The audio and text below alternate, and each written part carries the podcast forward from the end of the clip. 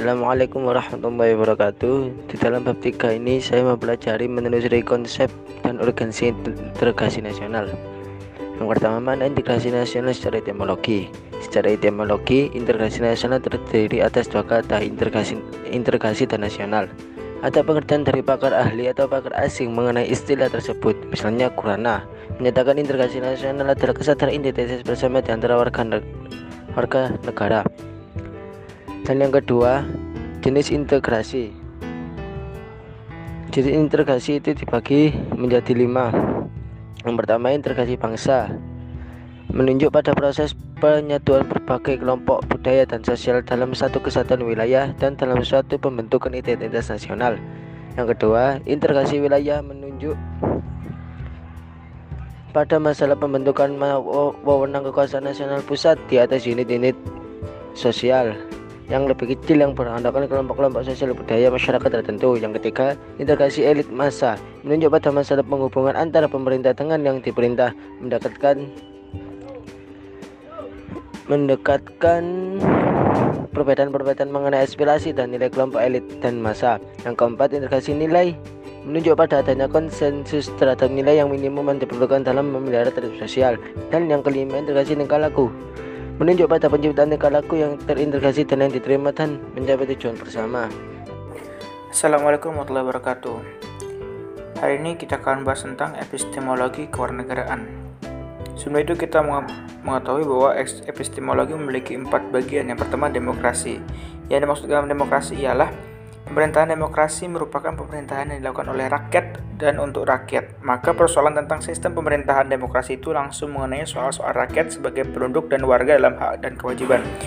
Ini memberikan konsekuensi bahwa satu pemerintahan yang memegang kekuasaan tertinggi adalah rakyat. Selain itu juga pemerubah pandangan bahwa demokrasi yang ada pada masa lalu hanya dipahami sebagai bentuk pemerintahan. Maka pada masa sekarang demokrasi harus dipahami lebih luas lagi yaitu sebagai sistem pemerintahan dan sekaligus sistem politik. Kemudian rule of law.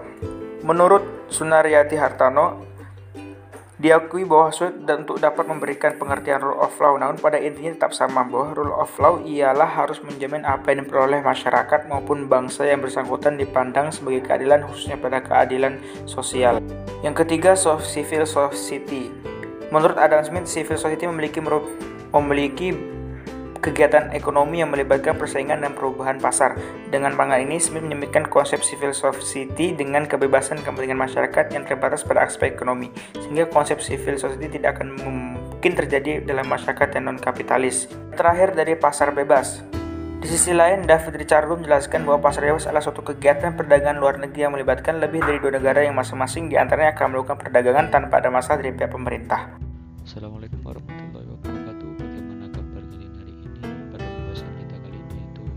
teori kewarganegaraan atau epistemologi kewarganegaraan. Di antara teori-teori kewarganegaraan ini adalah salah satunya adalah demokrasi. Demokrasi adalah suatu sistem pemerintahan yang mengedepankan masyarakat dalam mengambil keputusan untuk kemajuan ke depannya, kemajuan negara depannya. Terus kemudian ada rule of law.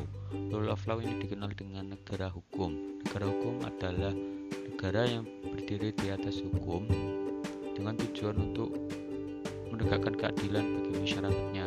Kemudian ada Pancasila sebagai dasar negara Indonesia, yaitu yang memiliki nilai-nilai civil society dan civil religion. Civil society ini apa? Uh, civil society ini adalah artinya masyarakat yang beradab dalam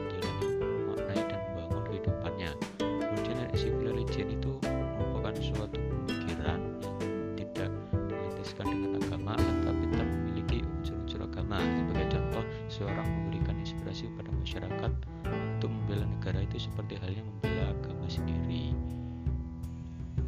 Demikian dari saya, ya itu saja. Sekian. Terima kasih. Apa itu demokrasi? Demokrasi adalah bentuk pemerintahan di mana semua warga negaranya memiliki hak setara dalam pengambilan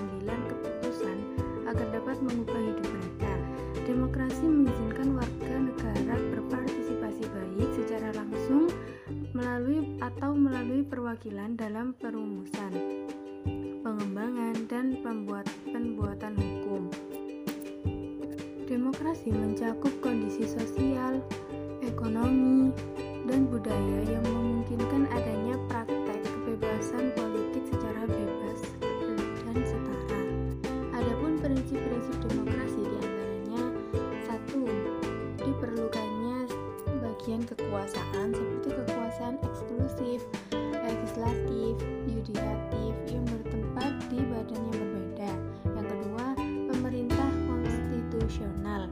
Yang ketiga, pemerintah berdasarkan hukum. Yang keempat, pemerintah dengan mayoritas. Yang kelima, pemerintah dengan diskusi. Rule of law adalah prinsip hukum yang menyatakan bahwa negara harus diperintah oleh hukum dan bukan sekedar keputusan pejabat-pejabat secara individu. Fungsi rule of law adalah merupakan jaminan secara formal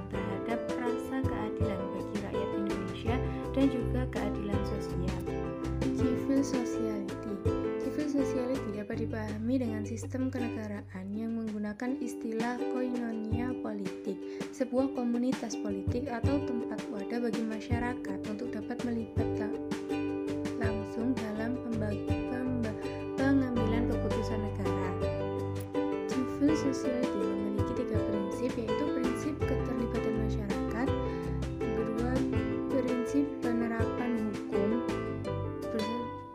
Bismillahirrahmanirrahim.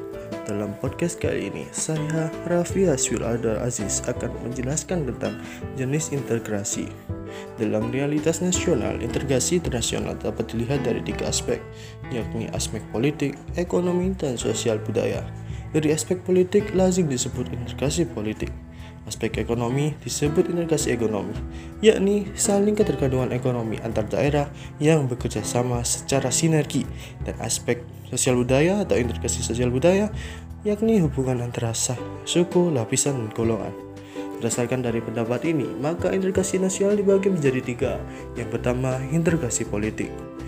Dalam tatanan integrasi politik terdapat dimensi vertikal dan horizontal. Dimensi vertikal bersifat menyangkut hubungan elit dan massa, baik antara elit politik dan massa pengikut atau antara penguasa dan rakyat untuk menjabat tangani celah perbedaan. Terus integrasi ekonomi berarti terjadinya saling ketergantungan antar daerah-daerah dalam upaya memenuhi kebutuhan hidup rakyatnya.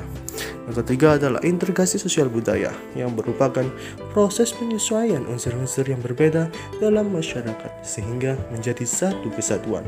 Unsur-unsur ini meliputi dari ras, etnis, agama bahasa, kebiasaan, sistem nilai, dan lain sebagainya.